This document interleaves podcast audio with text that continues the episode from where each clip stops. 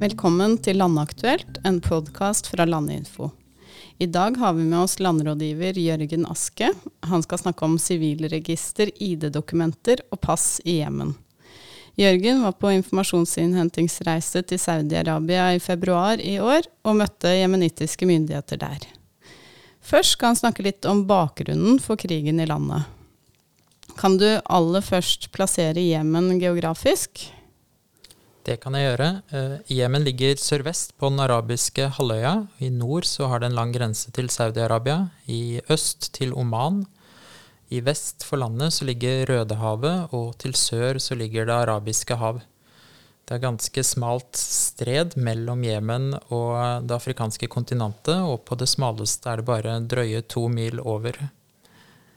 I tillegg uh, så finnes det flere jemenittiske minoriteter og diasporaer i andre land rundt særlig Det indiske hav, og det knytter seg til at uh, jemenitter historisk har vært et uh, handelsfolk som har drevet mye av handelen rundt i Det indiske hav. Så er det også kanskje mange som har hørt om uh, Nord-Jemen og Sør-Jemen.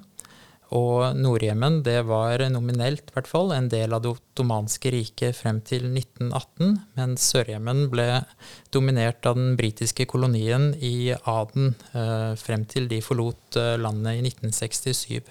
Og etter det så fortsatte Nord- og Sør-Jemen som selvstendige stater frem til de ble forent i 1990. Hva lever befolkningen av? Så Jemen har om lag 30 millioner innbyggere. Eh, det regnes nok som et av de fattigste landene i Midtøsten. Og mesteparten av befolkningen bor i fjellområdene eh, sørvest i landet, som er godt egnet for jordbruk. Eh, så, og det er også sånn at flertallet av befolkningen de bor på landsbygda, og de liv, livnærer seg av jordbruk og, og beitevirksomhet. Og bakenfor fjellene i vest så begynner ørkenen, og der er det mye tynnere befolket. Og i tillegg så er det jo flere havnebyer, da. Hva er eh, bakgrunnen for krigen i landet? Så Jemens eh, moderne historie er preget av en del politisk uro og flere borgerkriger. Og i hvert fall det umiddelbare bakteppet for denne borgerkrigen, det var det folkelige opprøret i 2011-2012 eh, tilknyttet den arabiske våren, hvor eh, president Saleh ble tvunget til å gi fra seg makten. Det førte til et eh, maktvakuum, og flere grupper forsøkte å utnytte dette. Deriblant Houthi-bevegelsen, som fra 2004 hadde utkjempet flere mindre kriger med, den, med det jemenittiske regimet helt nord i landet, i Sada-provinsen. I 2014 så rykket de sørover og tok kontroll i flere byer i Jemen, deriblant i hovedstaden Sana. I 2015 så eh, intervenerte en internasjonal koalisjon ledet av Saudi-Arabia til støtte for den internasjonalt anerkjente regjeringen og for å bekjempe Houthi-bevegelsen. Og krigen eh, mellom disse to partene er den som fortsatt pågår i Jemen, hvor man på den ene siden har eh, det vi nå ofte kaller Houthi-regimet, og på den annen side et eh, lappeteppe av ulike aktører som er støttet av henholdsvis Saudi-Arabia og De forente arabiske emirater. Hvordan er situasjonen i dag? Så i dag er eh, landet i praksis delt i to, mellom en del som eh, styres av eh, houthiene, og en som styres av disse ulike aktørene som er imot houthiene. Og grunnen til at jeg understreker at det er ulike aktører, er fordi at det eneste de egentlig er enige om, er motstanden mot houthi-bevegelsen, mens dem imellom er uenige om det meste. Og det kommer til syne i flere innbyrdes kamper i anti-Houthi-koalisjonen, senest nå i august i Shabwa-provinsen. Noe annet som er i hvert fall nytt av året, var at partene 1.4 i år inngikk en midlertidig våpenhvile som faktisk har innbåret en nedgang i kamphandlinger. Og det skyldes en viktig utvikling etter denne våpenhvilen har vært at den Saudi-ledede koalisjonen har sluttet med sine bombetokt, samtidig som at houthiene har sluttet å avfyre missiler eller sende droner inn på saudisk territorium. Våpenhvilen den omtales riktignok som veldig skjør, og ble 2.8 i år fornyet med to nye måneder. Hvem har kontrollen over institusjonene i Jemen? Så i forbindelse med at uh, houthiene inntok Sana, så fikk de også den fysiske kontrollen over flere av den jemenittiske statens institusjoner, i og med at det er hovedstaden. Og i dag så fremstår houthiene som en statsmakt i nord. De printer sine egne penger og utsteder sine egne pass, som vi skal komme tilbake til. Eh, mens den internasjonale anerkjente regjeringen på sin side har flyttet flere av sine institusjoner eh, til Aden. Eh, selv om de har flyttet institusjonene der, så er det ikke nødvendigvis alltid de som har den militære makten i de områdene hvor de nominelt kontrollerer. Men det kontrolleres jo av disse, dette lappeteppet av ulike væpnede grupperinger. Hvordan fungerer byråkratiet i Jemen? Så eh, historisk har det jemenittiske byråkratiet vært eh, svakt. Riktignok har det vært eh, noe bedre i sør fordi det ble noe mer utviklet under britisk og senere marxistisk styre der enn hva det ble i nord. Eh, men når det gjelder for befolkningen på landsbygda, så har nok staten spilt en ganske liten rolle. Og vi må også huske på at eh, store deler av Jemen, og da særlig Nord-Jemen, eh, er et stammesamfunn hvor eh, relasjoner i de fleste sammenhenger trumfer institusjoner. Og det innebærer det vi kaller nepotisme, hvor det er altså at man forventer vennetjenester, eller at man skal tilgodese familie og kontakter med tjenester, er noe som er utbredt, og som er en forventning i den jemenittiske befolkningen. Det betyr også at eh, lovens utforming og hvordan den praktiseres, ofte ikke alltid overlapper, og at det i byråkratiet er rom for en del pragmatisme. Da har vi hørt litt om bakteppet for situasjonen i Jemen. Og nå skal vi få høre mer om sivilregister og dokumenter. Hva er et sivilregister, og hvem, hvem, registrerer fødsler og dødsfall i landet? Ja, så Et sivilregister det er et uh, register hvor livshendelser som uh, fødsel og død registreres. Og de fleste land har jo et sentralt sivilregister. I Norge har vi folkeregisteret. I Jemen så er det sivilregistermyndigheten som er ansvarlig for sivilregisteret. Til forskjell fra i Norge så er ikke det jemenittiske sivilregisteret digitalt. Og eh, det er nok heller ikke veldig sentralisert, så det betyr at det i praksis kan være vanskelig å finne frem til eh, opplysninger i eh, sivilregisteret dersom man ikke oppsøker det kontoret hvor akkurat det er arkivert. Så er det også sånn at det i utgangspunktet er lovpålagt å registrere fødselen sin ganske kort tid etter at den har funnet sted, altså at foreldrene gjør det. Men i praksis så er det vanlig å søke om en fødselsattest, og med det altså registrere seg inn i jemenittisk register for første gang i forbindelse med at man har bruk for det dokumentet. Typisk i forbindelse med skolestart, eller når man eh, søker om et eh, ID-dokument hvor det er et etterspurt underlagsdokument. Driver altså hotiene med sivilregistrering? Ja, hotiene utsteder også sivilattester fra sivilregisterkontorene som de overtok i 2014-2015. Nå har vi riktignok ikke vært i kontakt med sivilregistermyndighetene i Houthi-kontrollerte områder, men ifølge kilder vi har snakket med, så skal kravet til søknad, altså underlagsdokumenter, og eh, selve utformingen av eh, sivilattestene være like som de er i sør.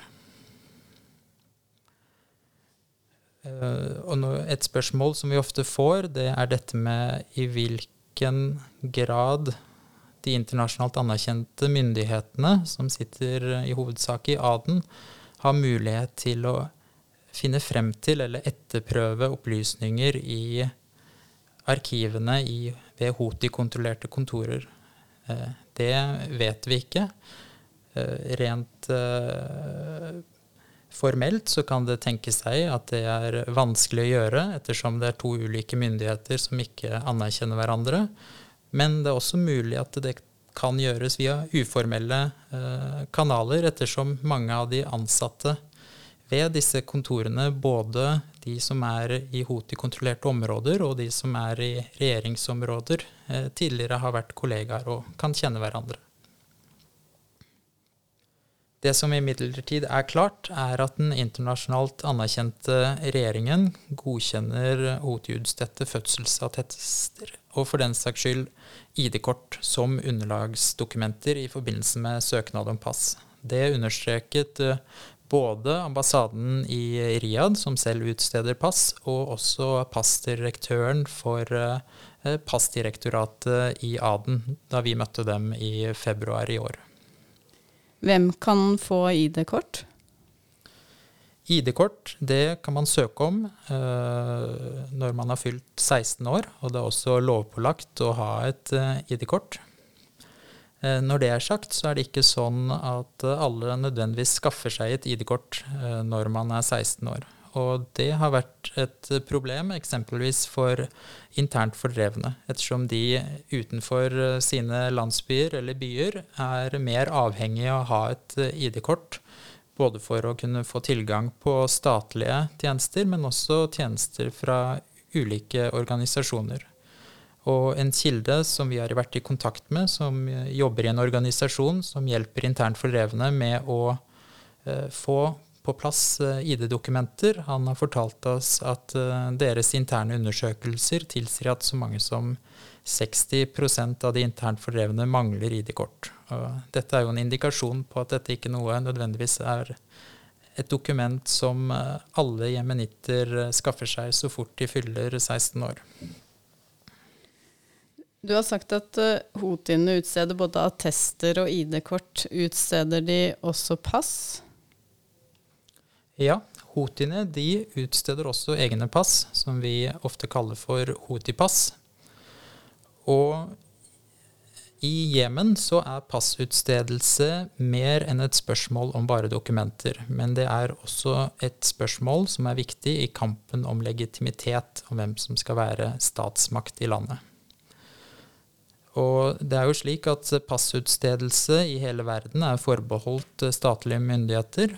Og man kan jo tenke seg at ved å utstede egne pass, så forsøker houthiene å signalisere både til befolkningen som lever i houthi-kontrollerte områder, og til omverdenen for øvrig at de er en organisasjon som evner å tilby befolkningen en sånn tjeneste, og på den måte påberope seg en slags legitimitet. Og når vi snakker om Houthi-pass, så finnes det to ulike typer. Så den ene typen, det er eh, blankopass som var eh, produsert av jemenittiske myndigheter, og som houthiene fikk tak i da de overtok passkontorer i 2014 og 2015. Så de skiller seg derfor ikke fra eh, pass, ut, pass, i samme serie, da, utstedt av jemenittiske myndigheter. Men det vil fremgå at de er utstedt av houthiene fordi de er utstedt i et, i et houthi-kontrollert område. Og den andre typen houthi-pass, det er uh, pass som houthiene selv har produsert. Eller altså de har bestilt en serie egenproduserte pass ved et sikkerhetstrykkeri. disse skiller seg i noen grad fra de Eh, jemenittisk originale passene og kan ifølge Nasjonalt ID-senter enkelt avdekkes gjennom en dokumentteknisk kontroll. I stad sa du at den internasjonalt anerkjente regjeringen anerkjenner sivilattester og ID-kort utstedt av houthiene. Men hva er myndighetenes holdning til houthi-pass? Ja, For den internasjonalt anerkjente regjeringen har det vært veldig viktig å gi beskjed om at de ikke anerkjenner Houthi-passene, og at de heller ikke ønsker at andre land skal gjøre det. Og det er nettopp fordi at de eh, ikke mener at disse passene undergraver eh, den internasjonalt anerkjente regjeringens autoritet som den legitime regjeringen i Jemen, og med det som passutsteder. Og det gjentok både ambassaden i Riyadh og direktøren for Pastordirektoratet, som eh, i likhet med hva de tidligere har gitt uttrykk for, sa at de ikke anerkjenner pass utstedt ved et eh, passkontor i et Houthi-kontrollert område før 1.8.2015. Kan du si noe om hvordan dette har utspilt seg i praksis? Ja. Eh, kampen om legitimitet som statsmakt eh, gjennom pass eh, ble godt illustrert i forbindelse med inngåelsen av eh, våpenhvilen. Eh, der hvilke pass jemenitter kan bruke ved utreise fra flyplassen i Sana, var et av de siste punktene som falt på plass, og noen observatører ble beskrevet som et av de vanskeligste punktene i forhandlingene også. Og det knyttet seg til eh, åpningen av flyplassen i Sana, som gjennom den internasjonale Saudi-ledede koalisjonen har vært stengt med luftmakt siden 2016, eh, og som houthiene siden har ønsket gjenåpnet, og som nå var på bordet. Et problem under forhandlingene var likevel at eh, regjeringen krevde at passasjerene som skulle forlate Sana, som da ligger i et Houthi-kontrollert eh, område, skulle reise ut på pass utstedt av den internasjonalt anerkjente regjeringen. Houthiene på sin side krevde at de skulle få lov til å reise ut på pass utstedt av dem. Eh, etter flere utsettelser så endte partene opp med et eh, kompromiss hvor man ble enige om at eh, man kunne få lov til å reise ut til de to aktuelle destinasjonene, først Jordan og deretter Kairo, på Houthi-utstedte pass, men at de passasjerene ved ankomst til disse to landene skulle få utstedt et pass utstedt av den internasjonalt anerkjente regjeringens ambassader i Jordan og Kairo. I hvilken grad forekommer korrupsjon? Allerede før krigen så var Jemen på uh, ulike rangeringer regnet som et av verdens mest korrupte land. Uh, I tillegg så har man en tradisjon for nepotisme, som jeg så vidt har vært inne på. Altså at man forventer uh, at man skal tilgodese venner og bekjente med tjenester. Og det er nok ingen grunn til å tro at situasjonen er eh, blitt særlig bedre i dag etter åtte år med krig. Eh, og vi har hørt flere eksempler på at personer har fått eh, dokumenter som de ikke har krav på, eller eller gjennom å omgå de formelle utstedelsesprosedyrene. Det betyr ikke nødvendigvis at passene er falske, eller at opplysningene i passet er uriktig, men det svekker like fullt den generelle påliteligheten av eh, opplysningene som fremgår i et jemenittisk pass. Tusen takk, eh, Jørgen. Hvis du vil lese mer om disse temaene, finner du temanotatet 'Jemen sivilregister, identitetsdokumenter og pass', publisert i juni i år, på nettsiden vår. Takk for det. Du har nå hørt Landaktuelt, en podkast fra Landinfo. Alle episodene finner du der du vanligvis hører podkast. Landinfos publikasjoner ligger på nettsidene våre landinfo.no. Takk for at du lytter til Landaktuelt.